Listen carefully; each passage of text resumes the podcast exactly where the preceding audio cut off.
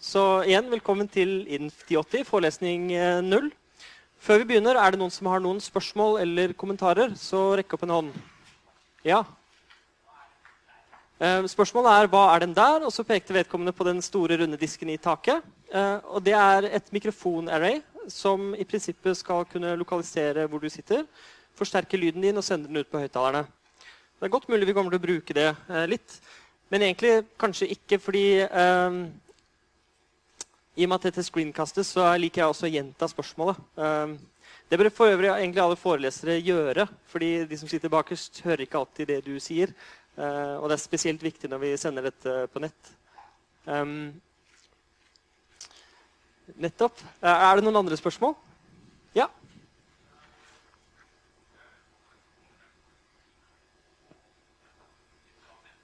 Spørsmålet er uh, hvorfor funker ikke den der, eh, mine studier disse timene kommer ikke opp i timeplanen min. og Det kan jeg ikke hjelpe deg med. Uh, alle praktiske og administrative spørsmål må dere sende til administrasjonen på e-postadresse studieinfo at ifiu.no.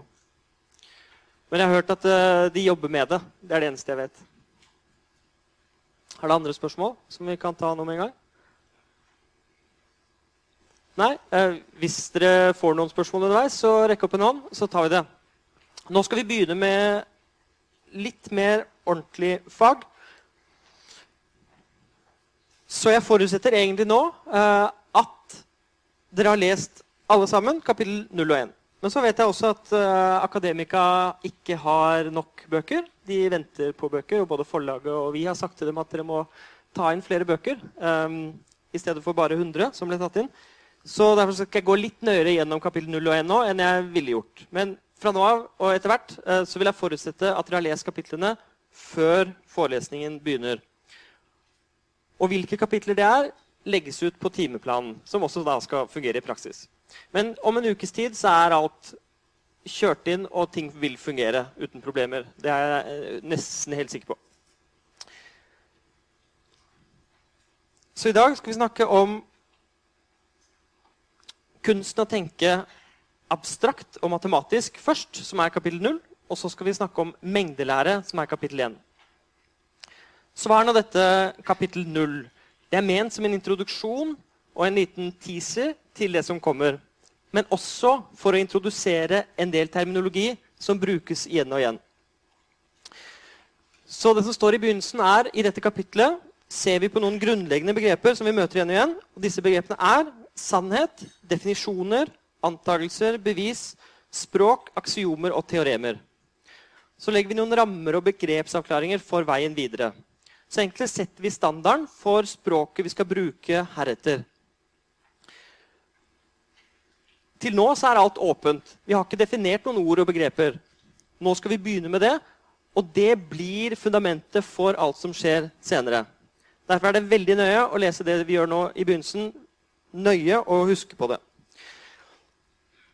Dette handler om å abstrahere. Og det er et høyere abstraksjonsnivå her på universitetet og på disse kursene enn dere vanligvis eh, møter i videregående skole. Men hva er egentlig abstraksjon, og hva betyr det å tenke abstrakt? Hvis jeg sier 1, 2, 4, 8, 16 til dere, hva er det som er det neste tallet? 32 er det mange som roper. Og jeg er helt enig med dere. Og når vi ser det, så ser vi at hvert tall er det dobbelte av det foregående. Det står 1, og så er det dobbelt av det er 2, og så står det 4. Og det dobbelte av 4 er 8, det dobbelte av 8 er 16, og det dobbelte av 16 er 32. Hvis jeg sier til dere 2, 4, 8, 10, 12 14 Kommer det litt sånn eh, Det er litt tidlig for noen av dere. 2, 4, 8, 10, vil mange si. Eh, og når vi skjønner hva det neste er Hvis jeg sier A, B, C, D, E, F Det er fordi vi har hørt det så mange ganger. Det er et eller annet mønster, og hjernen vår oppfatter det mønsteret og fyller inn det hullet som kommer. Hvis noen synger en melodi, og så stopper de midtveis, så hører du for deg den neste noten. Og når du gjør det, så har du abstrahert over det du har sett. Hvis dere ser på de figurene som er nederst her, så ser dere at her er det tre prikker, fire prikker, fem prikker, seks prikker, syv prikker. Og da kan vi ganske rasjonelt anta at det er åtte prikker i den neste. Vi kan også se for oss hvordan den neste figuren er. Et poeng med dette kurset er at vi skal abstrahere over mange andre ting enn tall. Det er derfor jeg har med de figurene.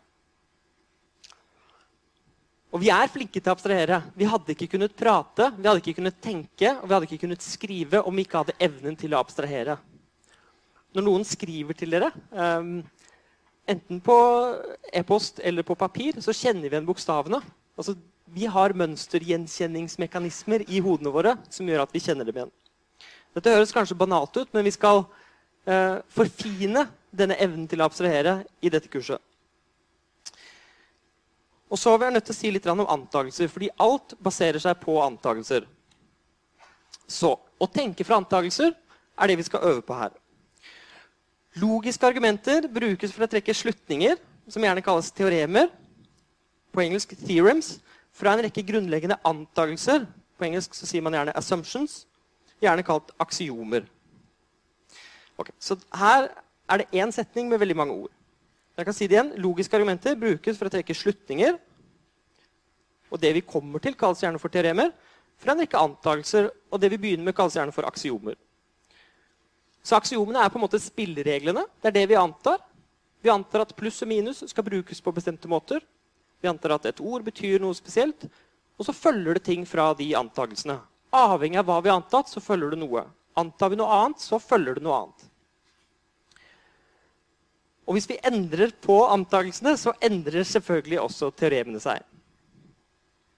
Et av de mest kjente eksemplene på dette kommer fra Euklid. Jeg tenkte jeg bare skulle si bitte litt om det. Jeg skal ikke gå veldig dypt inn i det, men i euklidsk geometri så snakker man om punkter og linjer. Og Euklid skrev et veldig kjent verk for over 2000 år siden som heter Euklids elementer, hvor han legger ut aksiomer for geometri. Et av de aksiomene sier at hvis du har en linje og et punkt utenfor den linjen, så går det nøyaktig én rett linje gjennom det punktet som ikke skjærer den linjen du hadde til å begynne med. Henger dere med? Det jeg appellerer til nå, er forestillingsevnen deres. Forestill dere at dere har en linje og et punkt utenfor den linjen. Det femte aksiomet til Euklid sier at da går det nøyaktig én rett linje gjennom det punktet som ikke skjærer den linjen du hadde. Det kalles gjerne for eh, parallellaksiomet eller parallellpostulatet. Og det ble tatt som et aksiom. Fra denne antakelsen så følger det veldig mye greier. Og mange føler at dette er veldig intuitivt. At dette må være sant. Men det går altså an å lage geometrier som er annerledes. Som er sånn at Hvis du har en linje og et punkt utenfor den linjen, så kan du ha null parallelle linjer som går gjennom det punktet. Eller uendelig mange, avhengig av hvordan du definerer geometrien. Da følger det en hel masse andre ting fra antakelsene enn det som vi kjenner i vanlig klassisk geometri. Så hvis vi endrer på aksiomsettet, på antakelsene, så får vi forskjellige teorier. Euklid formulerte det bitte litt annerledes, så det er ikke helt sant det jeg sier. Men dette er en gjenfortelling som er nesten helt riktig. Og det var masse diskusjon om det aksiomet var en konsekvens av de andre aksiomene. For det er veldig intuitivt. Og de andre aksiomene var enda mer intuitive, så man ville, på, man ville veldig gjerne at det aksiomet også skulle da være en konsekvens og et teorem i geometrien, men det fant man ut at det ikke var. Kanskje mot slutten av kurset, kanskje til og med helt til slutten, skal vi komme tilbake til dette. Og så tror jeg at dette vil bli um, enda tydeligere. For de skal bruke mye tid på akkurat dette. Hvis vi antar noe, så følger det noe. Hvis vi antar noe annet, så følger det noe annet. Og så kan vi se at noen ting er uavhengig av hverandre. Og vi kan utforske alt dette her på en veldig presis måte. Jeg så at det var noen hender i været, så jeg kan kanskje ta ett eller to spørsmål om dette. Men jeg har ikke lyst til å gå og bruke for lang tid på det. Vi har andre ting vi må snakke om. Men uh, Spørsmålet var om jeg definerte hva en rett linje er, og det gjorde jeg ikke. Jeg mente dette som et veldig enkelt eksempel. Og det er, skulle vi gjort ordentlig, så måtte vi ha hatt et lite minikurs i geometri. Så jeg vil ikke gå videre der. Er det andre spørsmål? til tross for det? Nei, ok. Alle antakelsene våre, alt det vi gjør, alle resonnementene våre, må gjøres i et eller annet språk. Og språk er så fundamentalt. Altså, når jeg snakker nå, så bruker jeg mitt naturlige språk. Når dere leser noe, så leser man språk. Og vi skal formulere definisjoner som forteller hvordan språk skal brukes. Så la oss se på det. La oss snakke litt om definisjoner. En definisjon forteller hvordan et ord, symbol eller begrep skal forstås og brukes. F.eks. hvis jeg vil definere en Google, så kan jeg si det på denne måten. En Google er tallet 10 oppe i 100. Et ett-tall med 100 nuller bak. En Google Plex er tallet 10 oppe i Google. Et ett-tall med Google nuller bak. Når denne definisjonen er gitt, så har jeg fortalt dere hva jeg mener med en Google, og da kan jeg bruke det ordet fritt fra nå av. Hvis jeg hadde brukt det ordet uten den definisjonen, så ville et legitimt spørsmål vært hva i alle dager mener du med en Google? Du har ikke definert det. Så en definisjon er viktig. Den forteller oss hvordan vi skal bruke det ordet. Det er som spillereglene i et eller annet spill. Og er, de er utrolig viktige. Uten spillereglene så kan du ikke spille. Så både antakelser, det vi antar, og definisjonene har en viss vilkårlighet over seg. I den forstand at de kunne vært annerledes.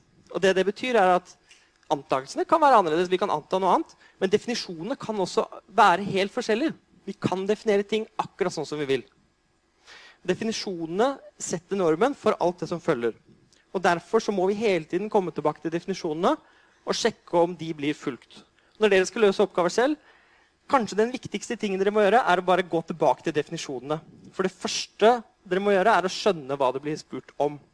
Dette gjelder ikke bare dette kurset, det gjelder helt generelt. Ok, Når vi har språk og antakelser og definisjoner, så kan vi begynne å bevise ting. Og veldig kort så er Et bevis for en påstand på engelsk så heter det proof. Et resonnement som gjør at vi blir overbevist om at denne påstanden er sann under visse antakelser. Dette er en litt vag definisjon, men det er med vilje.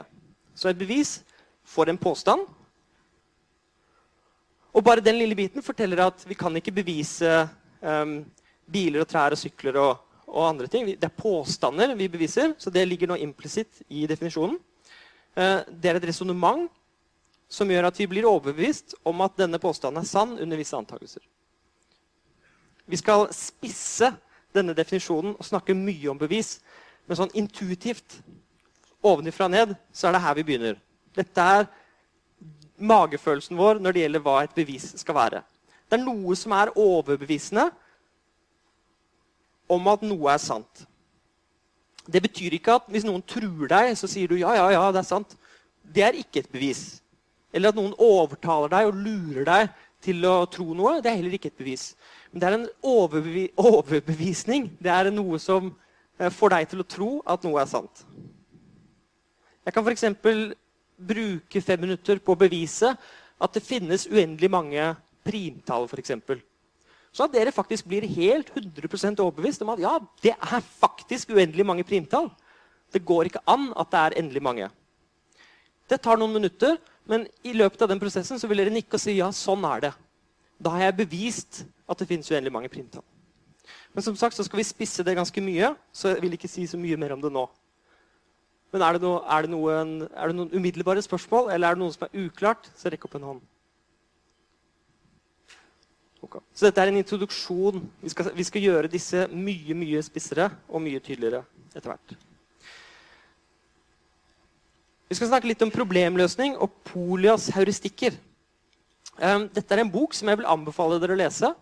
Dere finner deler av den på nettet, og dere finner oppsummeringer av den på nettet. Det er en klassisk bok fra 1945 som er skrevet av den ungarsk-amerikanske, tror jeg, um, matematikeren Polia. Han skal vi komme tilbake til senere i kurset. Men i denne boken så legger han frem en del tommelfingerregler, en del heuristikker, en del luret smakting, som man kan tenke på når man skal forsøke å løse et problem. Og dette er så utrolig nyttig. Dette er en av de beste bøkene som er skrevet om, om dette og om matematikkforståelse. Men det som er så bra med den, er at den kan brukes på veldig mange områder. Så uansett hvilke kurs dere tar, og hva dere studerer, så er det teknikker her som dere kan bruke. Ok. Hovedsakelig er det fire ting. Først er du nødt til å forstå problemet. Og det er litt sånn selvfølgelig. Det er, som å, det er som å forstå spillereglene i et spill. Du kan ikke spille sjakk uten å kunne spillereglene. To, forsøk å bruke tidligere erfaring fra lignende problemer til å lage en plan. Så to sier lag en eller annen plan for å løse problemet. Tre er gjennomfør planen. Og fire er sjekk om du faktisk tror på det svaret du har fått. Og For hvert av disse fire punktene så gir han en del smarte ting og en del spørsmål som man kan stille seg selv eh, for å komme nærmere en løsning. Dette er så generelt at Hvis du har et problem, så er dette ting du kan gjøre for å klare å løse det problemet. Så La oss se på det litt mer i detalj. For det første, forstå problemet. Eh, forstå, eh, forstår du alle ordene i formuleringen av problemet? Eh, kanskje må du sjekke definisjonene. I veldig mange problemer og oppgaver så er det noen ukjente. Og det lønner seg å identifisere hva de er. Hva er den ukjente? Og det lønner seg å identifisere hva som er gitt. Hva er antakelsene, og hva er premissene? Hva er spillereglene for denne oppgaven og dette, eh, dette som skjer her? Kanskje det ikke er mulig å oppfylle antakelsene, og det er lurt å sjekke. Prøv å, få, prøv å oppfylle antakelsene eh, selv. Og så er jo da oppgaven å, gjerne og veldig ofte å bruke antakelsene til å komme frem til den ukjente. Så er antakelsene tilstrekkelig for å finne den ukjente, eller er de ikke tilstrekkelige? Er de overflødige? Det kan lønne seg bare tegne en figur, forsøke å få et mentalt bilde av hele greia. Det lønner seg kanskje å finne en passende notasjon. Bruke noen symboler. Et annet triks er å dele problemet opp i mindre biter. Og et annet triks igjen er å formulere det med egne ord.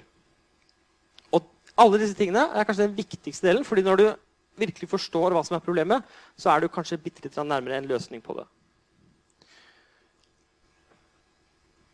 Det siste punktet kan du uttrykke problemet med egne ord. Det er så viktig. Jeg har hørt så mange si at det var først når jeg prøvde å forklare noe til eh, min kamerat, at jeg skjønte det. Og det har jeg opplevd så mange ganger selv også. Jeg har undervist ting eh, som jeg ikke kunne før jeg underviste det. Og i den prosessen jeg underviste det, så skjønte jeg det ordentlig. 100% og det er også et tips i, sånn, i studiene. Finner dere noen å studere sammen med, sånn at dere kan få muligheten til å snakke om det med andre. Eh, det andre punktet er lag en plan. og Da er det sånn at du har et problem, du har skjønt problemet, og da er det om å gjøre å lage en plan for å løse det. Så Oppgaven er ofte å finne koblingen mellom antakelsene og den ukjente. Og du bør komme frem til en eller annen plan for å finne en løsning på problemet. Og så er det noen spørsmål man bør stille seg selv. Har du sett problemet før? Eller har du sett det samme problemet, bare i en annen form? Har du sett noe som ligner? Kjenner du et eller annet resultat som kan være nyttig? Et eller annet du kan bruke for å komme litt nærmere løsningen? Fokuser på den ukjente. Um, se på den ukjente og forsøk å komme på et problem som har den samme ukjente, men som er kanskje formulert annerledes. Hva er koblingen mellom antakelsene og den ukjente? Så Det gjelder jo ikke alle problemer, men det gjelder en type problemer som er sånn at du har noen antakelser og du skal komme frem til noe. Og veldig mange, og veldig ofte så glemmer man hva man er ute etter. Altså Dette skjer hele tiden.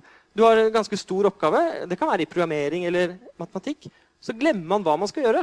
Så det å gå tilbake til det, hva var det egentlig jeg skulle gjøre, er veldig nyttig. Dette bør lede til en plan for å finne en løsning. og Noen strategier for å lage en plan kan være å tegne figur, eliminere muligheter, se på spesialtilfeller, se om man finner et mønster, og så tenke baklengs. Hva trengs for å komme til en ukjente? Vær kreativ og tenk annerledes. Igjen så er dette strategier man kan bruke når man ikke klarer å løse et problem. Det er ikke ment som en oppskrift for å løse alle problemer. Dette er ment som tips. Dette er ment som et sted man kan gå og titte hvis man står fast. Så dette her er ment som smarte spørsmål man kan stille seg selv for å komme bitte litt nærmere. Og så, Den jeg liker aller best av alle disse tipsene, det er det som står øverst her. Hvis du ikke klarer å løse problemet, kan du løse et enklere problem. Hvis noe er formulert om en bestemt type tall, prøv å løse med en enklere type tall. For eksempel. kan du endre på antakelsen slik at du klarer å løse problemet. Og så er det en veldig rar ting. Kan du løse et mer generelt problem? Og dette er et fenomen som dukker opp veldig ofte. Eh, du får et veldig spesifikt problem. Og så er det faktisk enklere å løse et problem som er vanskeligere. Og så gir det deg løsningen på det enklere problemet. Vi skal se eksempler på det. Klarer du å løse en del av problemet? Hvis du dropper noen antakelsene, hvor nærmere kommer du likevel den ukjente? hva skjer hvis du endrer på antakelsen eller på den ukjente? Hva skjer, hva skjer hvis du faktisk endrer på problemet og prøver å løse et annet problem? Kan du utlede noe som helst nyttig fra antakelsene? Kan du komme på noe annet som ville hjulpet? Og brukte du alle antakelsene? Igjen så er dette spørsmål man kan stille seg selv for å komme frem til en eller annen plan og strategi for å løse det man skal gjøre. Dette kan dere komme tilbake til når dere står fast. Det er ikke ment som en oppskrift. Tre, gjennomfør planen. Prøv å gjøre det du har satt deg for å gjøre, og sjekk hvert steg. Er hvert steg korrekt? Kan du bevise at hvert steg er korrekt? Hvis det ikke funker, lag en annen plan og prøv på nytt. Og så, hvis du har kommet frem, sjekk at resultatet stemmer. Sjekk at resonnementene holder. Tror du på det selv? Er det forståelig? Og det er ofte sånn at man bare regner og regner og regner. Og så kommer man frem til et svar, og så bruker man ikke intuisjonen etterpå, men det må dere gjøre. Er det fornuftig? Dere har regnet ut at et eller annet er tilfellet. Spør dere selv er dette intuitivt, er det fornuftig, skjønner jeg det, gir det mening. Og hvis du har en intuisjon som sier at nei, dette virket veldig rart, så burde du følge den og gå tilbake. Enten så vil man korrigere intuisjonen sin, eller så må man kanskje finne en feil. Dette er som en kjede. ikke sant? Den er ikke sterkere enn sitt svakeste ledd. Så hvis dere har gjennomført et langt resonnement, så kan det hende at det er en bitte liten feil der, og da ryker hele greia. Og i den prosessen kan du komme frem til svaret på en annen måte. Kanskje du har brukt tre av fire sider på å komme frem til noe som du kunne brukt tre linjer på å komme frem til. Det er lurt å tenke seg andre måter å gjøre det på også. Veldig ofte når jeg prøver å løse en oppgave, etter at jeg har løst den, så prøver jeg å løse den på en helt annen måte. Og hvis jeg kommer frem til to forskjellige ting, så har jeg gjort noe gærent. Da må man gå tilbake og se hvor var det jeg gjorde noe gærent. Å, det var her jeg gjorde noe gærent. Og så på en måte finner man ut ja, jeg holdt på dit, og så gjorde jeg en feil, så, men så fant jeg ut av det kan du se løsningen på avstand. Og Det er igjen litt det samme som det forrige. Hvis du bare på en måte distanserer litt fra det, gir det mening? Stemmer det da også? Stemmer løsningen med det du har antatt? Og kan du bruke det du har kommet frem til, på et annet problem? Det er det. Dette er kapittel null. Begrepsavklaring. Og så er det bitte litt om hvordan vi løser problemer. Ikke bruk dette som en mal, men bruk dette som en ressurs når dere står fast. For dere kommer til å stå fast. Hvis ikke dere står fast, så kom til meg eller gruppelærerne, så skal vi sette dere fast. Og det, og det er ment konstruktivt og bra, da. Hvis dere klatrer og Oi, dette var lett, liksom. Så skal dere få utfordringer som er vanskelige nok for dere. Fint.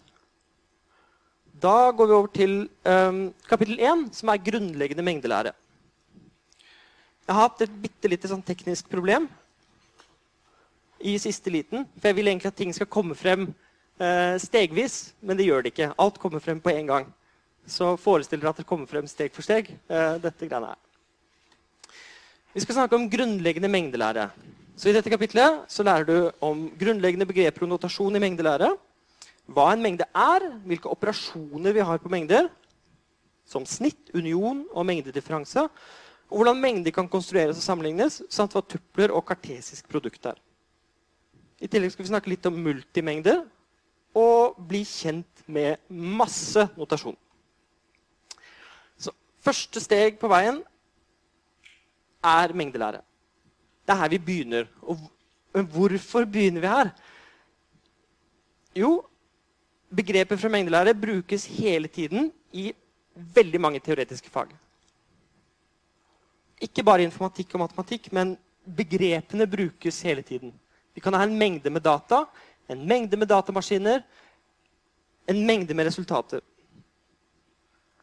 Det er også et veldig sånn teoretisk minimum som vi må kjenne til for å kunne snakke sammen.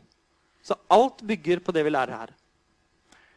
Det er altså et fundament for matematikk. Man kan gi all matematikk et ordentlig fundament ved hjelp av bare å snakke om mengder. Dette er en gren av matematikk som kalles aksiomatisk mengdelære. Som er veldig gøy, og som dette her er begynnelsen på. Og Du begynner altså med dette spørsmålet. Hva er en mengde? Det er den første definisjonen vi skal se på. Her kommer dessverre hele definisjonen, men la oss gå gjennom den steg for steg. Så en mengde, eller på engelsk sett, er en endelig eller uendelig samling av objekter der innbyrdes rekkefølge og antall forekomster av hvert objekt ignoreres. Og Den setningen forutsetter at en del ord er kjent og greit. F.eks. objekt. Så for at dette skal funke, så må vi være enige om hva et objekt er. Og det gjør vi ikke i noe mer detalj. Vi er enige om, vi, vi, jeg forutsetter at vi kan snakke om objekter og ting uten å spesifisere det nærmere. Er det greit? Vi kan krangle og si Dere sier 'jeg vet ikke hva et objekt er'. Så sier jeg 'dette er et objekt'. Så viser dere det. Så kan man ha en sånn påpekende definisjon, eller man kan gjøre en del andre ting. Men i slutten av den prosessen så har vi kommet frem til en forståelse av hva objektet er. Så forutsetter jeg at eh, vi skjønner hva endelig og uendelig er. Og det er egentlig en antakelse som er ganske dyp. Men en eh, endelig mengde det er en mengde med to-tre elementer. En uendelig mengde er f.eks. mengden av alle naturlige tall. Den er, uendelig, den er uendelig stor. Og så kommer det to punkter på slutten i den setningen. Innbyrdet rekkefølge ignoreres. Så en mengde er noe som, hvor vi er opptatt av at noe er mer eller ikke. Vi er ikke opptatt av rekkefølgen. Og vi er heller ikke opptatt av hvor mange ganger noe forekommer. Objektene i en mengde kalles for elementer. Og hvis x er et element i mengden A, så skriver vi x element i A på den måten. ved å bruke det lille tegnet der. Og Den setningen forteller oss hvordan det tegnet skal brukes. Hvis x er et element i den mengden, så skriver vi det på den måten der. Hvis A ikke er et element i mengden A, så skriver vi det samme symbolet, men med en strek over. Så sier vi at to mengder A og B er like hvis de inneholder nøyaktig de samme elementene. og I så fall så skriver vi A og B med likhetstegn mellom. Og nå definerer jeg hva likhetstegnet betyr. Det er ikke gitt før jeg har definert det. Likhetstegnet brukes på veldig mange forskjellige måter, men her definerer jeg nøyaktig hvordan det skal brukes for mengder. Så skriver vi A ikke lik B, altså likhetstegnet med strek over, hvis de ikke er like. Og En mengde kan angis ved å skrive opp elementene med mellom disse to symbolene, som ofte kalles krøllparenteser eller curly brackets. Så La meg først øh, vise dere et eksempel på mengder. Så Øverst så er det mengden av verdier en bit kan ha. 0 og 1. Det er en mengde med to elementer. Og så er det en mengde som består av seks tegn. og Disse tegnene er O, L, I, G, S, K, G, K, S. Og så er det en mengde av både tall og tegn. Det er helt greit, vi kan blande. Og så er det en mengde av de ti minste primtallene. 2, 3, 5, 7, 11, 13 osv. Og den siste mengden er mengden av alle, alle, mennesker under 18 år. Det er også en mengde. Det er helt greit. Så alt som på en entydig og presis måte kan skrives ned sånn, er en mengde. Noen av de mengdene som vi kjenner til i tallverdenen, er disse. Så dette er noen kjente og mye brukte tallmengder. N, som er skrevet på den måten der med N med sånn dobbeltstrek på, er mengden av naturlige tall. 0, 1, 2 osv. Og vi begynner med 0. Vi tar med 0 per definisjon. Så nå definerer vi at naturlige tall uh, er alle tallene fra 0, 1, 2, 3 osv. oppover. De er skrevet ned i rekkefølge, men et element er med en mengde uavhengig av rekkefølgen. Så 3 er et element i mengden av naturlige tall. Det er ikke det tredje eller fjerde elementet i mengden. Den er bare med. Og den er med bare én gang. Det går ikke an å være med mer enn én gang i en mengde. Og sett er mengden av heltall. Da tar vi med alle de negative tallene også. Men som er hele, så minus 17, minus 16, minus 15 osv. opp til 0. Og så 1, 2, 3 osv. oppover. Og Q eh, er mengden av rasjonale tall eller brøktall. Og det er tall som kan skrives på formen m delt på n, hvor m og n er heltall, og n ikke er lik null. Tre nulltedel er ikke et lovlig rasjonalt tall, f.eks. Og så har vi mengden av reelle tall. Og det er tall som representerer punktene på en kontinuerlig tallinje. Og E og pi og kvadratroten av to og sånt er tall der. Jeg vil bare nevne det, for da har vi på en måte disse mengdene som vi kan leke med å bruke. Vi skal ikke bruke så mye tid på tall, men det er greit å ha det med. La oss ta det ned på jorda og snakke om noen veldig enkle eksempler. Så I den første linjen så står det at tallet 1 er element i mengden som består av 1 og 3. Det er noe av det enkleste, enkleste, enkleste eksempelet jeg kan komme på. Eh, som er det der. Men 2 er ikke et element i den mengden. Ok, Greit, fint. Og så kommer det tre avklaringer eh, i de tre neste linjene. Mengden som består av 1, er forskjellig fra mengden som består av 1 og 2. Ok. Og så spør jeg hvorfor det. Det er et legitimt spørsmål. Fordi svaret er ikke bare Du ser jo det. Sånn er det bare. De er jo forskjellige. Dust. Det er et dårlig svar. Et godt svar er definisjonen av at de er like, er at de inneholder de samme elementene. Her er det en mengde som inneholder tallet 1, en mengde som inneholder tallene 1 og 2. 2 er ikke med i denne mengden som består av bare én. Derfor er mengdene forskjellige, og derfor kan vi skrive det sånn. Så svaret er fordi likhet av mengder er definert sånn som det er, og fordi mengder er definert sånn som det er, så er de ikke like. I den neste linjen så står det at mengden som består av 1 og 2, er lik mengden som består av 2 og 1. Hvorfor det? Fordi definisjonen sier at rekkefølgen ikke spiller noen rolle. Det er hva som er med i en mengde, som spiller noen rolle, ikke rekkefølgen de er skrevet, skrevet opp i. Og så står det den siste linjen mengden som består av 1 og 2 og 2, er lik mengden som består av 1 og 2. Hvorfor det? Fordi antall forekomster ikke spiller noen rolle. Igjen, det sto i definisjonen, og derfor er det sånn. Og Her ser vi et eksempel på at den samme mengden Mengden består av to tall, 1 og 2. De er representert på hele tre forskjellige måter. Så her ser vi et forskjell på mengden i seg selv, som består av to tall, og tre forskjellige representasjoner av den mengden. Og denne forskjellen er en forskjell mellom syntaks, som er hvordan vi har skrevet ned mengden, og semantikken, som er hva den betyr. Så de tre måtene å skrive ned mengden på, det er en del av syntaksen. Enig? For det er måten vi representerer på og skriver det ned på. Mengden i seg selv består av to tall, og det er det disse tre forskjellige betyr. Ja, noen av dere har flere navn, ikke sant? Har, liksom, man har ofte kjælenavn på hverandre. Alle, og, og, så har man et fullt navn med mellomnavn, og sånn, og så har man bare kortnavnet. Og, og så har man initialene på deg. Alle disse representerer deg. Det er forskjellige syntaktiske representasjoner av deg som er her. Og Dette vi, dette er egentlig det første eksempelet på den distinksjonen. Og den kommer vi til å møte igjen og igjen. Ok, da har vi sagt hva mengder er. Er det noen spørsmål til det? Er vi enige om hva mengder er nå? Bra. Jeg tolker det som at vi, eh, vi, vi har nå lagt grunnen, og vi er enige om hva en mengde er. Da skal vi begynne å lage mengder. Og vi skal begynne med den aller minste mengden, som er den tomme mengden. Den tomme mengden, det empty set, er mengden som ikke inneholder noen elementer. Den tomme mengden skrives bare med sånne klammeparenteser hvor det ikke er noe mellom de to klammeparentesene, eller som en slags sånn Ø.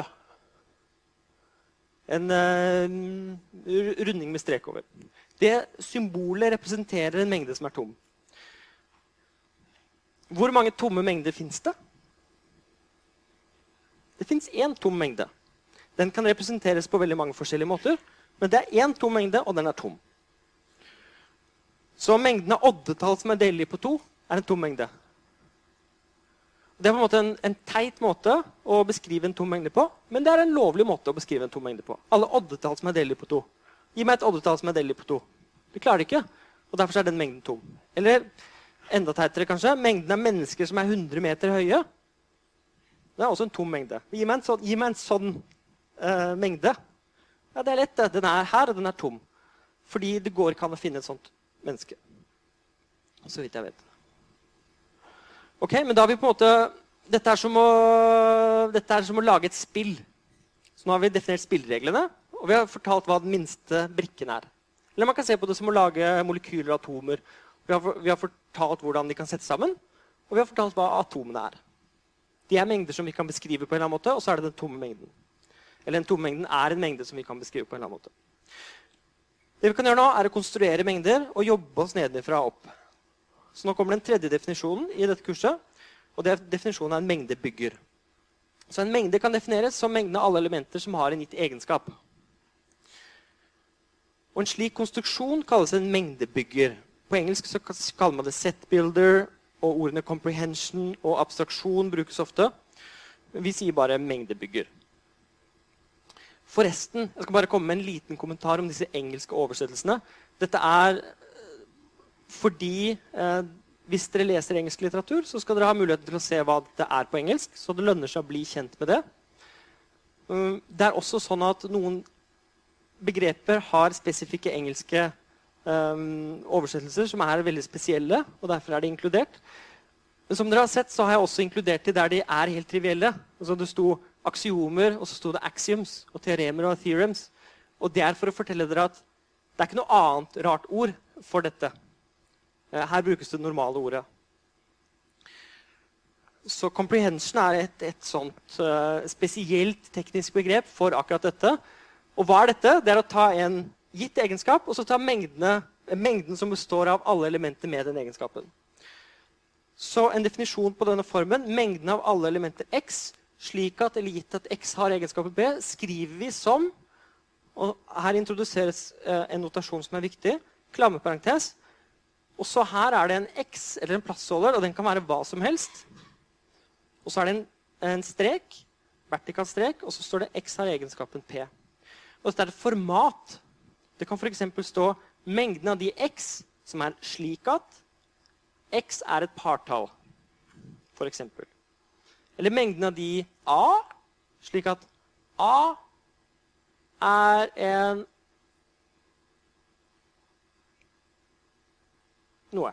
Av akrobat. En akrobat. Mengden av akrobater. Da har man laget mengden av alle akrobater. Um, det som står til venstre for sekken, kan også være et sammensatt uttrykk. Og det det betyr, er at det kan f.eks. stå um, mengden av elementene 2x, slik at x er et naturlig tall. Og det vil være definisjonen av alle partall.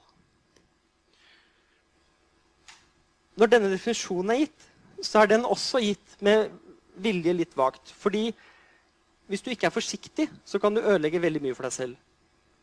Og dette er en del av historien, matematikkhistorien. Fordi man slet faktisk med å finne en god definisjon av mengder for omtrent 100 år siden.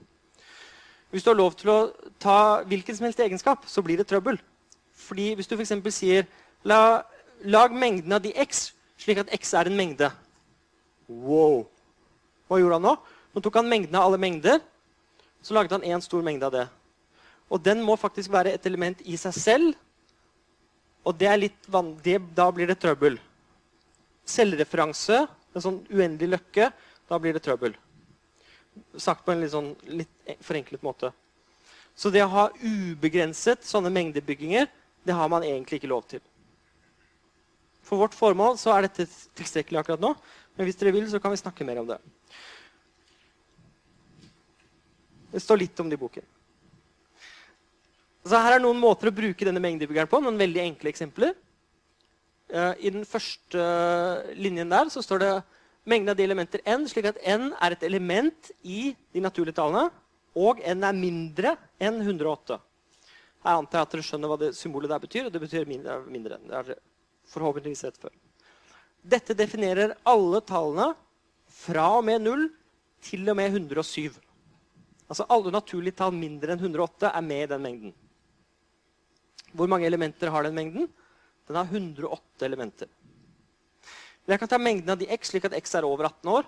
Det er en upresis definisjon. Men i en gitt kontekst så gir det veldig god mening. F.eks. hvis vi snakker om alle oss her inne, så er den mengden der helt presis. Og den siste linjen så er det mengden av de x, slik at x er et element i A eller x er et element i B. Og så kommer det et viktig punkt nå. Og det er at vi kan ha mengder av mengder. Jeg sa allerede det én gang, men nå gjør vi det ordentlig. I den første linjen der så er det noe veldig viktig. Og det er at elementet A er et element i mengden som består av A. Men det er ikke et element i mengden som består av mengden av A. Og dette er en presisering av hva det vil si at noe er element i noe annet. Vi kan ikke se inn i mengder. Uh, og nå må vi gjøre det konkret. Hvis du har en pose, en bærepose, og du putter et eple oppi den bæreposen, så har du Og det er litt sånn som det første som står der. Um, at A er et element i mengden som består av A. Da er eple element i bæreposen som har et eple i seg. Fint. Det er det ene bildet. Det andre bildet er at du har en bærepose med en bærepose oppi. Og oppi den bæreposen der så er det et eple. Du har en bærepose med en bærepose med et eple. Her. Og så sier jeg at dette er to forskjellige mengder. Eplet er et element i den første mengden. Det er i bæreposen. Men det er faktisk ikke et element i denne bæreposen. Vi kan ikke se inn i mengder. Det som er et element, er en bærepose, og oppi den er det et eple igjen. Så det symbolet der, den lille rare tingen her som ser ut litt som en E, det betyr akkurat det. At elementet er der innerst. Ikke innerst, men liksom Hvis du titter inn på første nivå, så er det der du skal finne det. Så skal du avgjøre om noe er et element i en mengde, og det er mange elementer der, så må du sjekke for hver enkelt om det faktisk er et av de som står der. Spørsmål?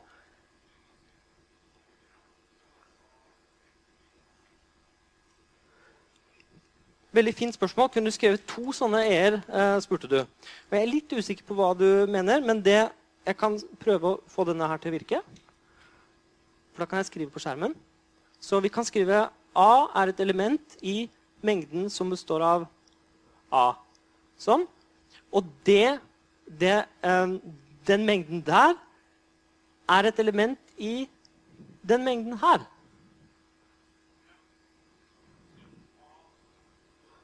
Ja, og det du spør, kan, Er det lov å skrive sånn her? Er det du lurer på?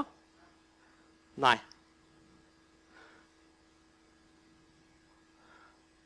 Sånn. Nå skal jeg bare være veldig tydelig. Sånn er ikke lov å skrive. Hvor, men hvorfor er ikke det lov å skrive? Det er et veldig interessant spørsmål. Uh, og formatet vi har definert, er at noe er et element i noe annet. Og det formatet brukes ikke her, for her er det, her er det noe, og så kommer det tegnet.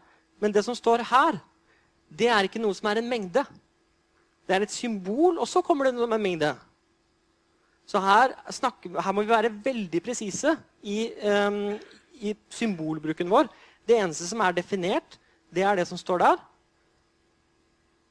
Å sette to sånne inntil hverandre er ikke definert. Spørsmål, to spørsmål til. Ja?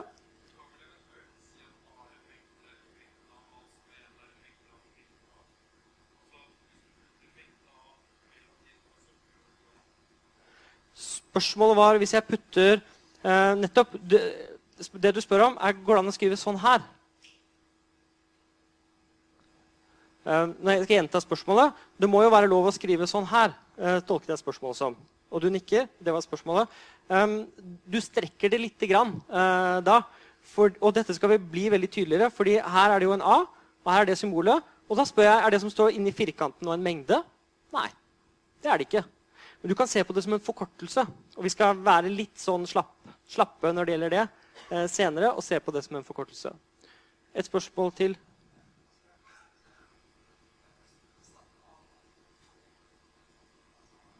Spørsmålet var hvis vi erstatter A med den tomme mengden, er det fortsatt sånn at det stemmer det som står der da? Og svaret er ja. Uansett hva du erstatter A med, hvis du gjør det på begge steder, eller alle stedene i den første linjen, så er det riktig, det som står der. Men nå er vi nødt til å ta en pause i et kvarter, så vi fortsetter, og så tar vi noen spørsmål om det etter pausen. Da håper jeg alle har vært ute og fått frisk luft og masse energi. Det var noen spørsmål i pausen som jeg skal gjenta i plenum. Kan en endelig mengde være like stor som en uendelig? Eh, det intuitive svaret er nei. Men så sa vedkommende men her er en mengde med en uendelig mange ett-tall. 1, 1, 1, 1, 1, 1, 1, 1. Den har jo uendelig mange elementer. Og da er svaret at nei, den har ett element. Det er bare skrevet opp fryktelig mange ganger. Så eh, vi skiller mellom representasjonen, hvordan du skriver ned mengde. Så hvis det står 1, 1, 2, så er det ikke tre elementer i den mengden. Det er to, ett-tallet og to-tallet. Og rekkefølgen spiller ingen rolle, så hvis vi skriver 2-1, så er det samme som 1-2. Eh, det andre spørsmålet gjaldt um, pensum for de følgende forelesningene. Og det skal jeg få ut på nettet så fort som bare det, sånn at vi har hele semesterplanen klar, inkludert innleveringsoppgavene. Så jeg håper at jeg klarer å legge ut det i løpet av denne uken. Men aller senest uh, til før neste forelesning. Et spørsmål der først?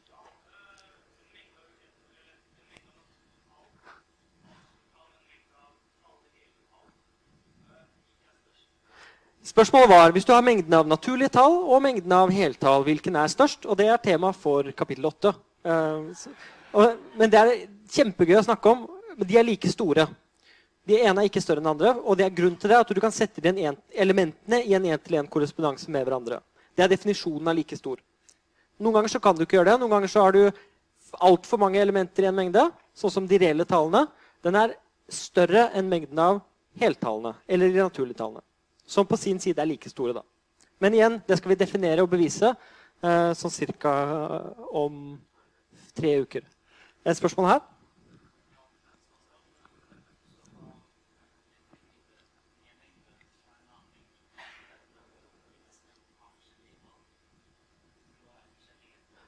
Spørsmålet var eh, Jeg kan gjenta spørsmålet, eh, og så kan du nikke hvis jeg gjør det riktig. Hvis du har en, du har en mengde som inneholder en mengde som inneholder noen elementer på den ene siden, og en annen mengde som inneholder en mengde uh, med noen andre elementer, kan de da være like? Og svaret er nei.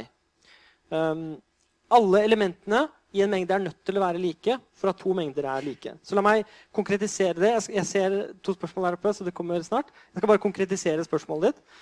Så det du, det du spør om, er eh, hvis du har en mengde eh, Prøv å skrive pent. Eh, hvis du har en mengde som består av en mengde med to elementer her Og dette her er som en bærepose med en bærepose oppi, og det, oppi den er det en eple og en pære. Et eple og en pære. Så spør du går det an at den er lik en mengde som står av en mengde med f.eks. to andre elementer. Uh, og da er svaret nei. Så derfor må vi skrive den sånn. På den annen side um, Og dette er sånn lurespørsmål. Uh, hvis det står 1, 2, så er de fremdeles ikke like. Det er to forskjellige mengder. Enda et lurespørsmål. Hvis det nå er en mengde her, og så står det 2, 1 inni der, så spør jeg er de like. Ja, det er de. Og testen Veldig bra altså, at dere bare roper ja. Testen er hvis du, hvis du, skal sjekke om to mengder er like, så er du nødt til å ta hvert element her. Her er det bare ett. da. Og så sjekke om det elementet er det samme om det fins der borte et eller annet sted. Så vi må sjekke om disse to her er like. Og for å sjekke om de er like, så får man et nytt sånn delproblem her nede. Én, to Beklager at de, de, blir litt, eh, de blir ikke så pene, disse krusedullene. Men uh, sånn. Og så må man sjekke om de er like. Og testen der er helt tilsvarende man sjekker om det elementet der er med her borte. Ja, oi, det var der. Og så sjekker man. Uh, er det elementet der? Elementet her borte? Ja, her var den. Og da er svaret ja. Da var de like. Man kan lage et dataprogram eh, som bare løper igjennom og sjekker er de like, er de like, og som graver seg innover. Og man må da beholde alt likheter innover. Så det er to like mengder. Så da pusser vi ut det. Eh, noen andre spørsmål? Jeg så en der. Ja, du.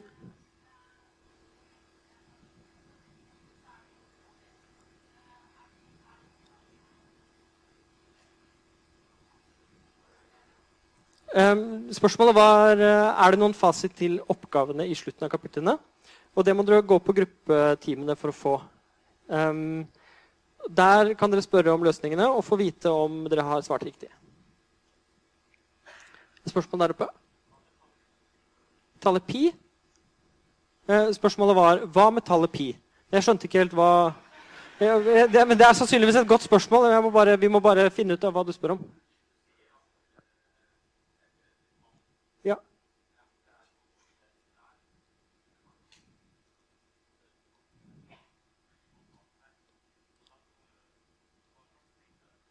Ok, Et godt spørsmål. Um, spørsmålet var tallet pi er jo uendelig. Um, så hva slags mengde blir det? Så hvis jeg bare skriver mengden uh, som består av tallet pi, så er det en mengde med ett element i. Det er bare ett element i den mengden, og det er tallet pi. Det er ikke noe uendelighet over det i det hele tatt. Pi er bare et symbol som er en representasjon av et tall. Når det er sagt, så har jeg lyst til å kommentere på det, fordi vi sier at pi er uendelig. Men hva i alle dager betyr det? Er ikke tre uendelig? Er ikke fire uendelig? Så det å si at et tall er uendelig, er egentlig litt sånn upresis ting å si. Veldig mange sier det, og veldig mange profesjonelle matematikere sier det. Og da betyr det gjerne Hvis du skriver det som et desimaltall, så kommer det veldig mange, faktisk uendelig mange, forskjellige sifre etter desimaltegnet. Og de gjentar seg ikke periodisk. Så det, måte, det, å si at et tall er uendelig, er på en måte en forkortelse for alt det greiene der. Men som, uh, i denne konteksten så kan vi se på dette bare som et enkelt, uh, et enkelt, symbol. På akkurat samme måte, og nesten helt likeverdig som det der. Uh, når det er sagt, Hvis du bare skriver pi skal prøve å skrive litt penere, sånn, så er ikke det noe annet enn et tall. Noe, og det er ikke noe magisk eller mystisk over det. Like lite mystisk som tallet åtte. Er det andre spørsmål? Jeg syns det er veldig fint å få spørsmål. Eh, og jeg tror det er nyttig for de andre også. Så ja, det var et der. Veldig godt spørsmål. Spørsmålet var kan du tolke eh, et, en mengde som består av ett element, som bare det elementet selv. Sånn at hvis du har eh, mengden som består av tallet to, kan du tolke det som tallet to. Det kan du godt gjøre i en gitt kontekst, men strengt tatt så er det forskjellig fra tallet to. Og grunnen til det er at her på venstre side så er det en mengde. På høyre side så er det et tall. Eh, for at de skal være like eller den samme, så må enten begge være tall eller begge være mengder. Så, så, det går ikke. Men i en gitt kontekst, og du jobber med masse mengder og mengder, og mengder, og så dukker det opp um, sånne mengder som det, så er det mange, i mange kontekster mulig å identifisere dem med tallene. Det kommer vi til uh, i kapittelet om ekvivalens. Vi kan godt si at vi kan definere en, en, relasjon mellom disse som er sånn at de er ekvivalente med hverandre. Men det kommer vi til, altså. Det er ikke ennå. Er det andre spørsmål? Ja? Spørsmålet er om jeg har en favorittmengde, og det har jeg. Ehm, det er mengden av de surreelle tallene. Men det er, det er ikke pensum. Ehm, og det er, av, det er, en uendelig mengde av uendelige tall. Hvor uendelig selv er et tall, og uendelig pluss 1 er et tall. Ikke bare det. Uendelig minus 1 er et tall. Og kvadratroten av uendelig er et tall. Så den er veldig stor og veldig rik.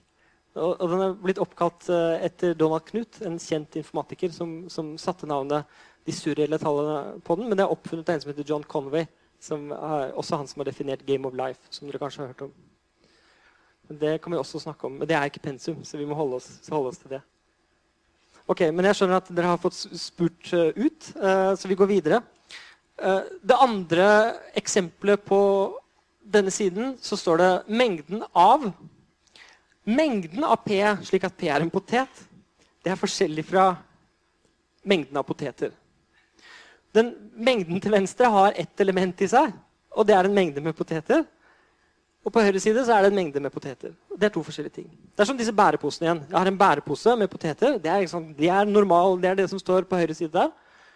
Men her har jeg en bærepose med en bærepose med poteter oppi. Og det er to forskjellige mengder. Den ene har ett element, og den andre har uendelig mange elementer. Det tredje eksempelet er en måte å skrive ned noe på. Dette er en uendelig mengde hvor hvert element er på en måte de naturlige tallene, men pakket inn eh, i en mengde. Så elementene er mengder, og hver mengde består av kun ett element.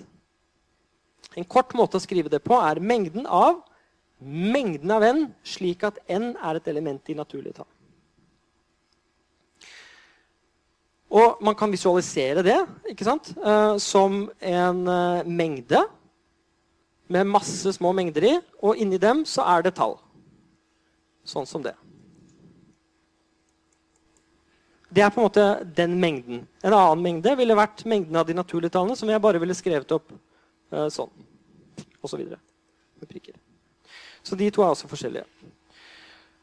Uh, og så den siste eksempelet. Der er det en mengde bare. Og det er en mengde med to elementer. Og de to elementene er henholdsvis naturlige partall og naturlige oddetall. De tre prikkene brukes som en forkortelse for 'osv'. Og de tre prikkene forutsetter at vi er enige om hva som følger. I dette tilfellet så er det den mest naturlige tolkningen at den ene mengden er partall og den andre er oddetall. Når det er sagt, Jeg må komme med en bitte liten kommentar til de tre prikkene. Fordi øh, hvis jeg sier 1, 2, 4, 8, 16 så sier dere 32. Jeg også sier 32. Men det er en veldig naturlig følge som fortsetter med 31, og ikke 32. Som begynner altså 1, 2, 4, 8, 16, 31. Så det er ingen garanti for at det neste tallet er 32. Men det er veldig naturlig, og det er kanskje den mest naturlige tolkningen. Uh, vi, litt senere i kurset skal jeg kanskje godt komme tilbake til den den rekken eh, som fortsetter med 31 osv. Så sånn. Men de tre prikkene forutsetter at vi på en måte er enige eh, om hva som følger. Bra. Da skal vi snakke om operasjoner på mengder. Og det er noen steg som har skjedd nå. Vi har definert mengder. Og så har vi sagt hva de minste mengdene er. eller den minste mengden, Og så har vi snakket om hvordan vi kan lage mengder. Og hva det vil si at to mengder er like. Nå skal vi ta to mengder og lage nye. Så vi skal gjøre operasjoner på mengder. Og når vi har gjort det, så skal vi sammenligne mengder med hverandre. Og grunnen til at jeg sier dette, um, det er at vi gjør den samme tingen for veldig mange typer strukturer. Så når vi definerer la oss si grafer eller trær, så gjør vi akkurat det samme. Vi begynner med de minste. Vi definerer hva det er sier vi at, hva det vil si at de er like. Og så gjør vi operasjoner på dem. Vi sier hvordan vi kan ta to trær og sette sammen til ett nytt tre. Eller hvordan vi kan ta fra noe og så få et nytt. Og så begynner vi å kategorisere disse. Og det skal vi gjøre her også. Så, De tre operasjonene som vi skal ta, er union, snitt og differanse. Og union definerer vi sånn her. Unionen av to mengder A og B er den mengden som inneholder nøyaktig de elementer som er element i A eller B, og dette inkluderer elementene som er med i begge. Så vi slår bare sammen to mengder. Det betyr at alle elementer i A og alle elementer i B, men ingen andre elementer er med da i unionen av de. Og de skriver vi som dette. Parentes A, også denne U-en, som er litt større enn en vanlig U, og B og parentes slutt. Vi skal tillate oss å droppe disse parentesene og bare skrive A, altså det tegnet, og så B. Og fra nå av så kommer jeg til å si A union B i stedet for å si det tegnet, som ser ut som en U. Så lenge det ikke blir tvetydig. Så kan vi droppe parentesene. Så det er definisjonen. Den kan vi komme tilbake til. Nå er det like greit å bruke tiden på å lage intuisjon. Så hvis vi tar to mengder, A og B og C og D, slår de sammen, så får vi mengden som består av A, B, C og D. Det var greit. Hvis jeg tar A, B og BC, hva får jeg da? Jeg får en mengde som består av A, B og C. Selv om B-en var med begge ganger, så er det greit. Den, blir, den er bare én gang med. Hvis jeg tar mengden som består av 1, 2, 3, og så tar jeg unionen med den tomme mengden Ok, Hva får jeg da? Da må jeg se på definisjonen. Da skal jeg ha med alle elementene som er med enten i mengden 1, 2, 3, eller som er med i mengden som er tom. Ok, Slår jeg sammen de, så får jeg mengden som består av 1, 2, 3. Jeg får ikke noe nytt. Mister ingenting og får ingenting nytt. Det var det ene. Nå skal vi ta snittet, og det er det som er felles. Og definisjonen er helt lik. da. Hvis, eller bortsett fra at nå tar vi det som er felles. Så hvis A og B er mengder, så er snittet, eller på engelsk intersection, mellom de to mengdene eller A snittet med B, mengden som inneholder nøyaktig de objekter som er element i både A og B. Snittet mellom A og B skriver vi sånn her. Parentes A, og så den opp-ned-U-en B. Fra nå av vil jeg si bare snitt. Og tillater vi, vi tillater oss å droppe parentesene, så lenge det ikke blir tvetydig. Det skal vi se eksempler på at det kan bli hvis vi ikke dropper det. Så for eksempel, hvis jeg tar AB og snitter med B og C, så AB snittet med B og C, så får vi Vi får en mengde som består av ett element, og det elementet er B. Så hvis noen sier Hvis jeg spør hva er svaret, B, så er det feil. Fordi det er mengden av B som er svaret. Og så sier du å, det var, hva er det det. Men så nøye må vi være, da. Eh, det er ofte underforstått at det er mengden av B vi mener. Men man må være litt nøye. Hva med denne, da? A og B snittet med C og D. Det er ingenting. Det er den tomme mengden. Helt riktig. Så det er, mengden, det er altså mengden som inneholder nøyaktig de objekter som er med i både og, og det er ingen. Hva skjer hvis jeg snitter noe med den tomme mengden? Da får jeg den tomme mengden fordi det er ingenting som har noe felles med den tomme mengden. Og det er riktig. Men igjen så bruker jeg definisjonen. Det er ikke sånn at den eh, ligningen holder bare fordi. Det er fordi jeg bruker definisjonen. Um, akkurat det siste eksempelet der er litt som å gange med null. Hvis du tar fem ganger null, så får du null. Og hvis du snitter noe med den tomme mengden, så får, null, så får du den tomme mengden uansett hva du snitter med. Vi skal se sånne sammenhenger hele tiden. Et spørsmål?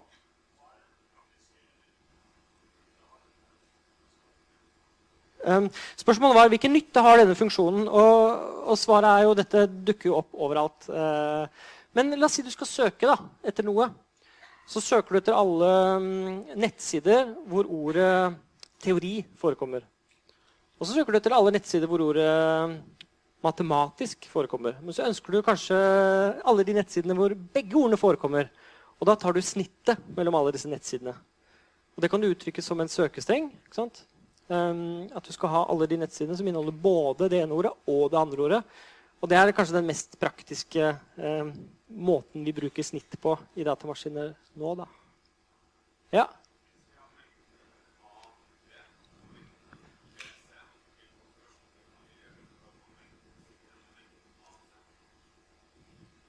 Spørsmålet var Hvis du har mengden hvis, Jeg vet ikke helt om jeg skal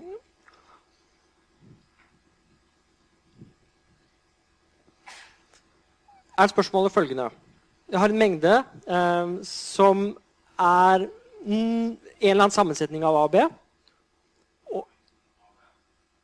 Men, ok, så du, okay, For å gjenta jeg, må, jeg, kan ikke ha en dialog. Jeg må gjenta hva du sier.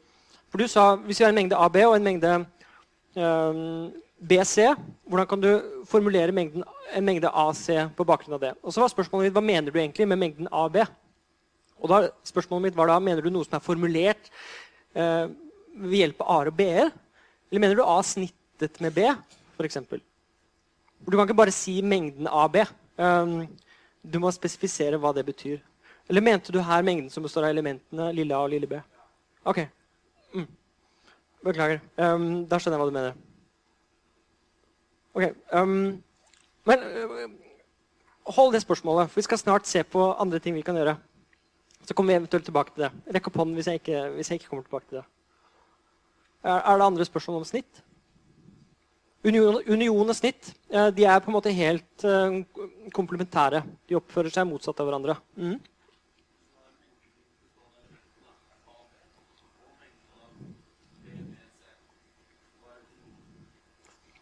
Spørsmålet var hvis du har mengden som består av A og B, og du har mengden som består av B, B og C, hva er unionen? Og Det er da alle elementene som er med enten i den ene eller den andre. Og da gjør vi sånn her. At vi, vi, vi er sånn maskiner, altså. Vi ser Hva er det som skal være med? Jo, den må være med. Og da tar vi den med, nytter den inn der. A. Den må være med. B-en må være med. Boop må huske på å sette komma. Det er ikke sånn at uh, du bare kan droppe det. Bare sånn at det, det, er som å programmere dette her. Det er, du må gjøre det helt, helt nøyaktig. Og så skal vi ha med den. Den er med allerede. Så trenger vi ikke å legge den til. Kan legge den til, men det er sånn unødvendig. Fordi Hvis du skal si noe, så ønsker du gjerne å si det på den peneste mulige måten. Skal du si tallet 3, så sier du ikke 3 pluss 0 pluss 0 pluss 0. Du sier egentlig bare 3. Og sånn er det her også. B-en er med, men C-en være med. Og Da legger vi inn C-en der. Og nå er vi ferdige, for det er ikke noe mer å ta med. Så kan vi sette sånn. Så får, er måte, sånn kan vi holde på å regne på disse tingene. Og på samme med snitt. For å ta med noe på høyresiden da, så må det faktisk være med i begge. Da har vi lov til å overføre det. Fint. Um, nå skal vi ta den tredje tingen, og det er minus. Nå har vi på en måte tatt pluss og gange. Um, ikke helt, da, men vi har nesten tatt pluss og gange. Nå skal vi ta minus. Um, mengdedifferanse. Hvis du har to mengder, så er mengdedifferansen mellom dem, eller bare A minus B, mengden som inneholder nøyaktig de objekter som er elementer i A, men ikke elementer i B. Så du har med alt som er det ene, men ikke det andre. Mengdedifferansen mellom A og B skriver vi som A minus B. Og minus er da den streken der som går fra øverst til venstre nederst til høyre. Fra nå av kommer jeg til å si bare minus. Eller A trekker fra B. Eller mengdedifferansen mellom A og B i stedet for å den, si den streken. Så dropper vi også parentesene her hvis det er greit. Så la oss se noen enkle eksempler. Hvis vi har mengden som består av to elementer, så fjerner vi mengden som består av ett element, A. Så mengden AB minus mengden A. Det betyr at vi skal ta mengden som inneholder det som er i den første, men ikke den andre. Da sitter vi igjen bare med B. På tilsvarende måte, Hvis vi har to elementer i en mengde, så mengden som består av B, så tar vi bort mengden som består av C og D, så Det betyr at vi skal ha med A vi skal ha med B, og så skal vi ta bort alle forekomster av C. Men det er jo ingen forekomster av C. Så skal vi ta bort alle forekomster av D. Og det er ingen forekomster av dem heller. Så da sitter vi igjen med akkurat det vi begynte med.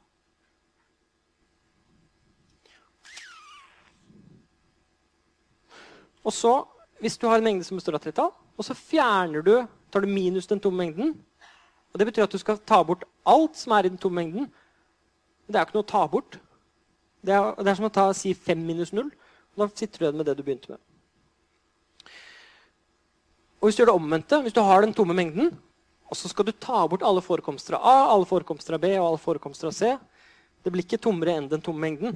Så du kan ikke ha liksom negativ størrelse på mengdene. Så det blir den tomme mengden fortsatt. Det er der det slutter. Du kan ikke ta bort noe mer. Men med tall så er det jo omvendt. Der er det jo sånn at du, Har du null, så trekker du fra fem, så får du minus fem. Eh, men ikke alltid. Du har også matematiske systemer som er sånn at tar du null minus fem, så er det fortsatt null. Sånn at det kommer an på definisjonen av minus. Ja. Er det noen spørsmål til dette? Ja? Nettopp. Eh, så la meg ta det. Spørsmålet var hvis du har AB, AB Og da tolker jeg det som dette. Eh, spørsmålet var hvis du har A, mengden som består av B, så trekker du fra mengden som består av AB. Hva får du da?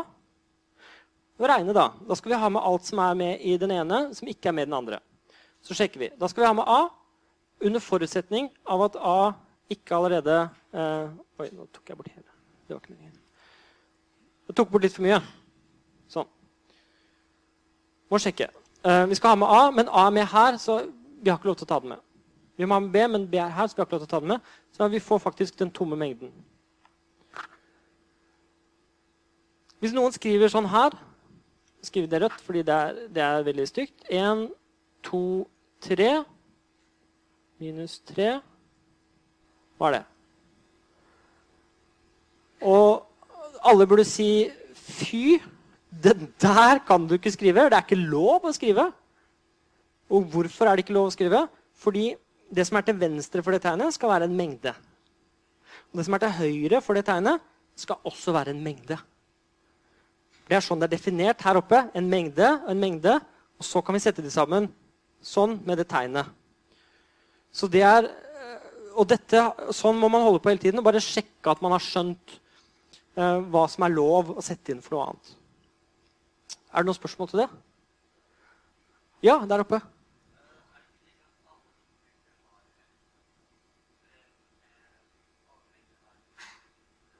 Spørsmålet var er det ikke sånn at alle mengder har en tom mengde. Og det skal vi snart komme til. I en viss forstand så er det sant, men det kommer an på hva du mener med 'har en'. Det er ikke sånn at den tomme mengden er element i alle mengder. Og, og, det er jo fordi Hvis du tar den tomme mengden uh, sånn, så spør du er det en element i mengden som består av 1 og 2. Og svaret er jo nei. Og testen for det det er jo å sjekke den greia der. Er den lik 1? Nei. Er den greia der lik 2? Nei. Da er svaret den er ikke et element i. Og det kommer an på hvordan det symbolet der er definert. Vi har et annet symbol hvor svaret er ja. Men det skal vi komme til. da. Så det er veldig viktig å bruke det, det tegnet, da, elementet i tegnet på riktig måte. Et spørsmål?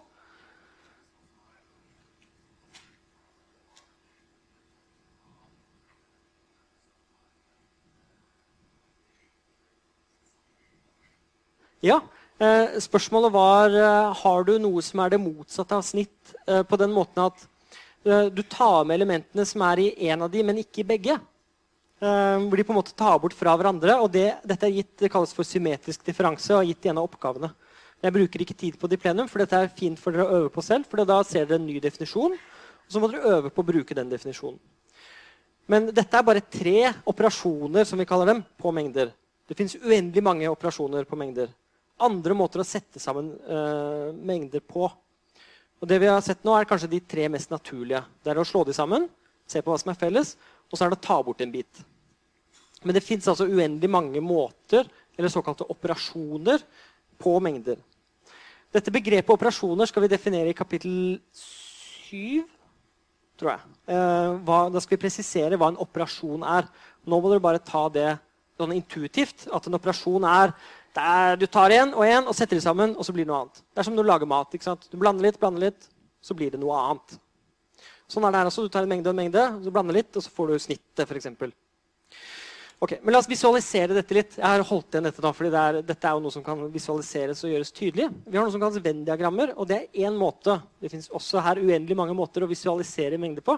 Dette er én måte. Stammer fra en som heter John Venn. Um, han var britisk logiker og filosof. Et Venn-diagram viser de forskjellige måtene endelige mengder kan kombineres på ved hjelp av operasjonene vi har lært. Union, snitt og differanse. Så det er sånn at Hver mengde representeres som et lukket område. Og det som er inni området, representerer hva som er elementer i mengden. Så hvis vi har den tomme mengden, så er det ikke noe der. Men la oss si at A det er alle elementene her som er fargelagt rødt. Og så sier vi at B er alle som er fargelagt blått i den andre eh, sirkelen. Den tomme mengden er jo da ingenting. Og nå kan vi visualisere disse operasjonene vi har sett. For så er A union B det er alt det som er fargelagt her. Igjen så er dette en måte å representere mengder på, for her representerer um, de fargelagte områdene elementene i mengden. Og hvis vi representerer A på den måten og B på den måten, så kan vi representere unionen på den måten. Og da kan vi representere snittet på den måten som de elementene som er i det området i midten der, og dette kan man gjøre med penn og papir og sitte og skravere om man vil. Og så kommer da differansen, altså det som er med i A, men ikke med i B. Og Da ser du for deg at du har et sånt rødt eple, og så fjerner du uh, det som er i B, og da får du den lille biten som mangler. Hvis du gjør det omvendte, for å komme tilbake til spørsmålet ditt, altså det motsatte i en viss forstand, det er jo da B minus A. Og det er noe annet. For da begynner du med B, og så tar du bort alt som er i A, og da kan du representere det som det bildet der. Så vi ser at det er forskjellige måter å representere disse mengdene på. Men det, vi, vi, trenger ikke bare gjøre det for to, vi kan gjøre det for tre. Så hvis vi nå legger til en tredje sirkel, og den sirkelen representerer alle elementene i en tredje mengde som vi kaller C Det vi kan gjøre nå, er å se på på hvilken måte kan, kan vi kombinere disse, disse tre mengdene. Så jeg skal dempe lyset litt. Sånn. Så hvis vi nå tar A union C, så kan vi visualisere det sånn. Hvis vi tar B union C, så kan vi visualisere det sånn. Igjen så representerer dette um, elementene i den forskjellige mengden. Og hvis jeg vil ha med alt, så er det A union B union C. Og Der er det ikke noen parenteser, for det er ikke noen måte å tolke det uh, feil på. Og så kan vi gjøre det samme med snitt. Det der er en visualisering av alt som er i snittet mellom A og B. Dette er en visualisering av alt som er i snittet mellom A og C, gitt at C er det nederste. da. Og dette er B snittet med C. Hvis vi snitter alle tre med hverandre, så får vi nøyaktig det som er i midten der. Og vi ser at denne figuren, disse tre sirklene um, som er lagt oppå hverandre, de lager åtte områder. Det er altså ett område utenfor alt. Og så er det ett område som er bare A, ett som er bare B, og ett som er bare C. Da er vi oppe i fire. Så har vi tre områder som er uh, de tre rundt midten, som er litt små, og så har vi ett i midten. Vi teller sammen det. 1 pluss 3 pluss 3 pluss 1, så får vi 8. Det er åtte områder i alt. Med to sirkler så er det fire områder. Med tre sirkler så er det åtte områder. Og ikke overraskende, med fire sirkler så er det 16 områder. Og Det er en liten sånn nøtt å tegne Venn-diagrammer for mer enn tre mengder, men det går an, og dere kan se hvordan man gjør det i boken. Og Noen av de ble oppdaget først uh, ganske nylig, på 80-tallet. Uh, eh, hvordan man kan faktisk gjøre det. Uh, og det er, opp, det fremdeles ingen som veit om det går an å tegne 13 på en god måte. Det er sånne rare tingene. Liksom, vi lærer om Venn-diagrammer med to-tre mengder. Men Det er ingen som har klart å gjøre det pent for 13. Så hvis noen klarer å løse det, så er det 13 eller høyere. da, Hvor høyere er et eller annet primtall. Ok, Dere må passe på meg så jeg ikke snakker meg bort på de tingene.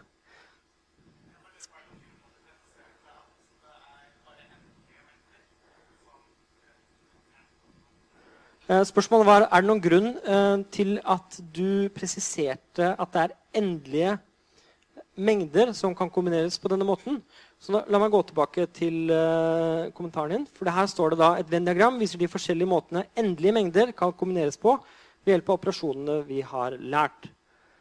Det er absolutt ingen grunn til at uh, det bare skal stå 'endelig' der. Så, så, Det kan like gjerne stå 'uendelig'. Ja, så spørsmålet ditt er egentlig Kan du ikke egentlig bare kutte ut det ordet 'endelig' der?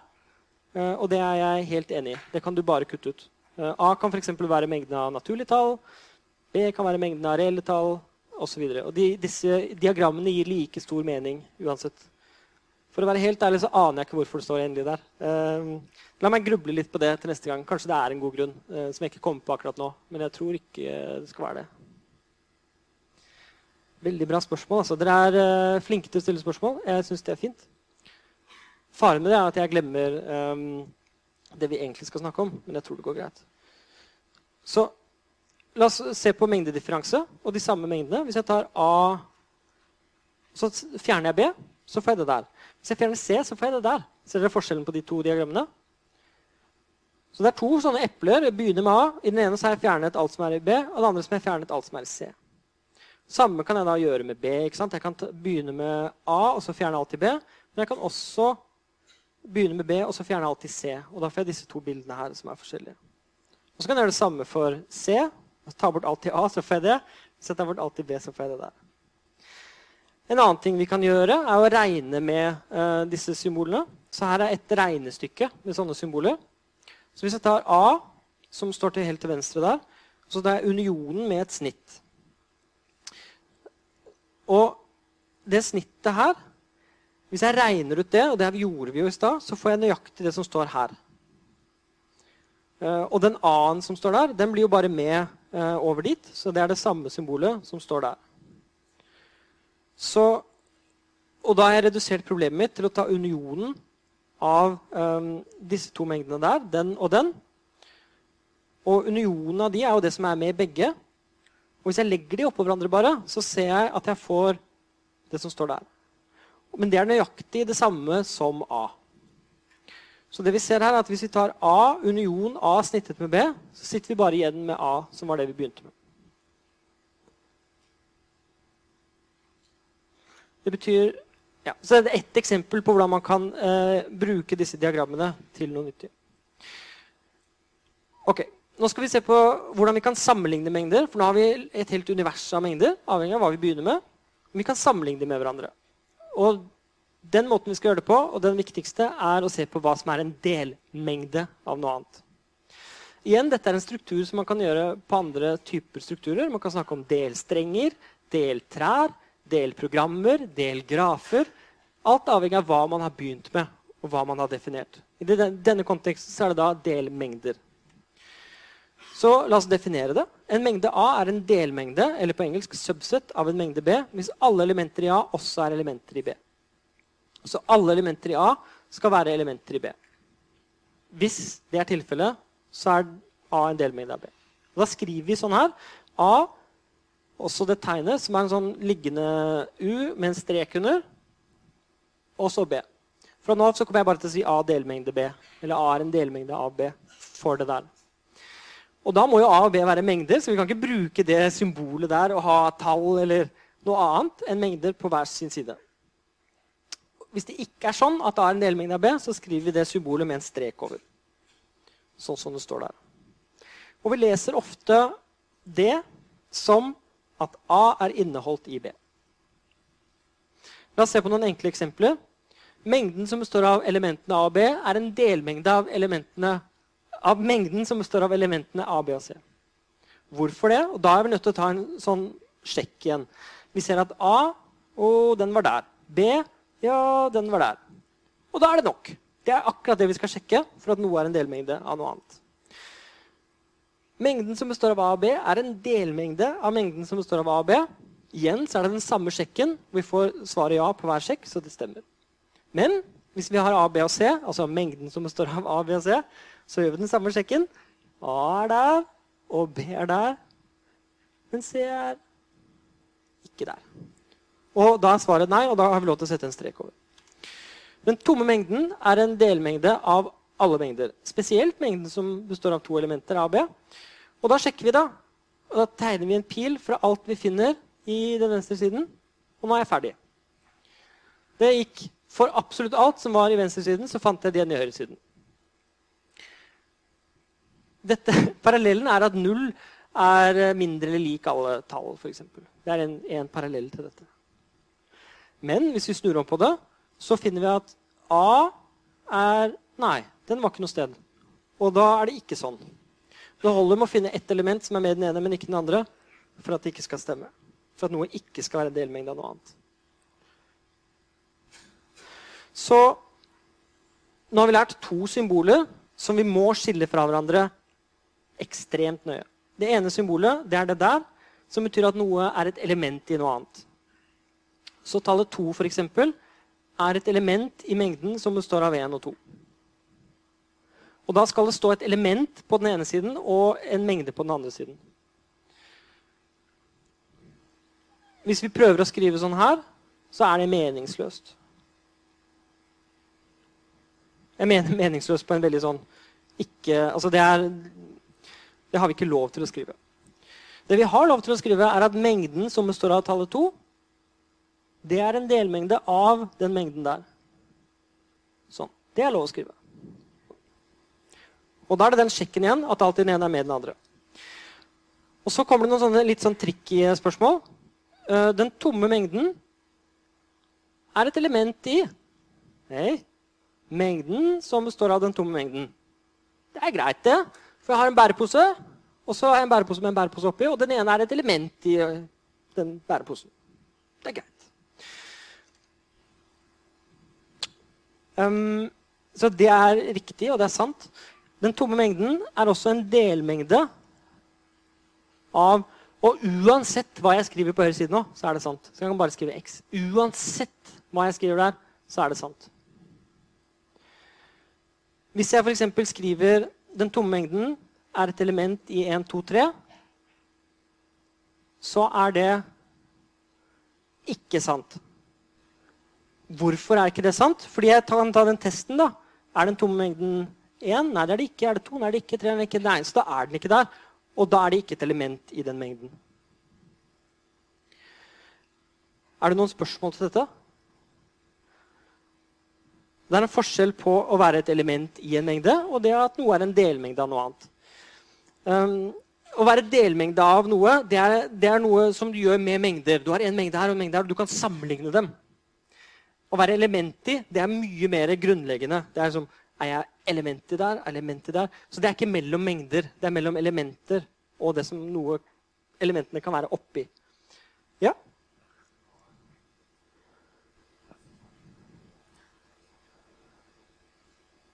Spørsmålet var om jeg kan ha en mengde som består av en mengde med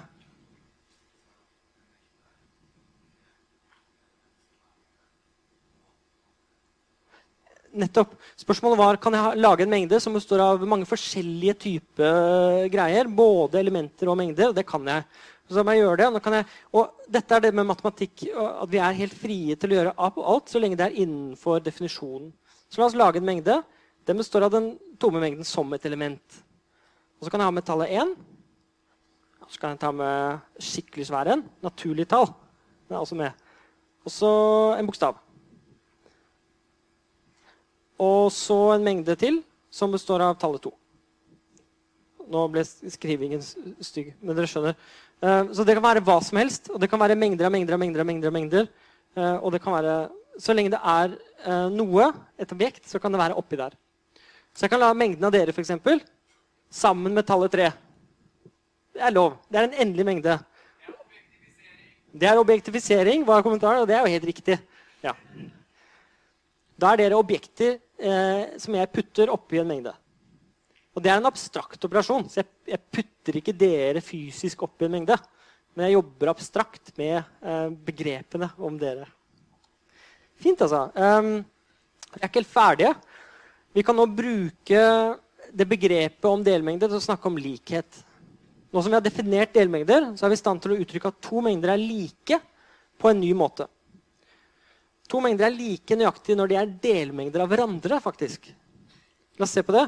Hvis du har en mengde A, og det er mengden som består av tallene 1 og 2, og B er mengden som består av tallene 2 og 1, så vet vi at A er lik B fordi de inneholder de samme elementene. En måte å si det på og en måte å bevise det på er å si at A er en delmengde av B, og B er en delmengde av A. Hvis det er tilfellet, så er de nødt til å være like. Det er ingen annen måte å få til det på. Så min utfordring til dere er jo kan dere forestille dere at A er en delmengde av B, og B er en delmengde av A uten at de er like? Og hvis dere kan det, så må dere tenke dere om og justere litt fordi, og lese definisjonen av hva det vil si å være en delmengde av. For de fanger hverandre eh, på en måte. Og det er samme tall. Hvis x er mindre lik y, og y er mindre lik x, så er den eneste konklusjonen at de er faktisk nødt til å være like store. Um, ja. Og så kommer det noen spørsmål her. Er mengden som består av A og B, og mengden som består av B og C, like? Svaret var nei. Og flere som sa nei. Så sier jeg altså det kommer an på. Ja, jeg, kanskje. Hvorfor ikke, liksom? Eh, det kommer an på hvordan vi tolker disse symbolene. Hvis A og C representerer det samme elementet, så er svaret ja. Hvis A er lik 1 og C er lik 1, så er, de, så er jo de, to mengdene like uansett hva B er. Så det er en viktig ting vi skal ta med oss fra det. Det er at um, det kommer an på. Hvis A er lik 1 og C er lik 2, så er de forskjellige. Så det kommer an på hva de betyr. Hvis det er tegnene i et alfabet, så er de forskjellige. Hvis dette er bokstaver i et alfabet, tegn i et alfabet, så er de forskjellige. Fordi den ene inneholder jo A, og det gjør ikke den andre. Ja?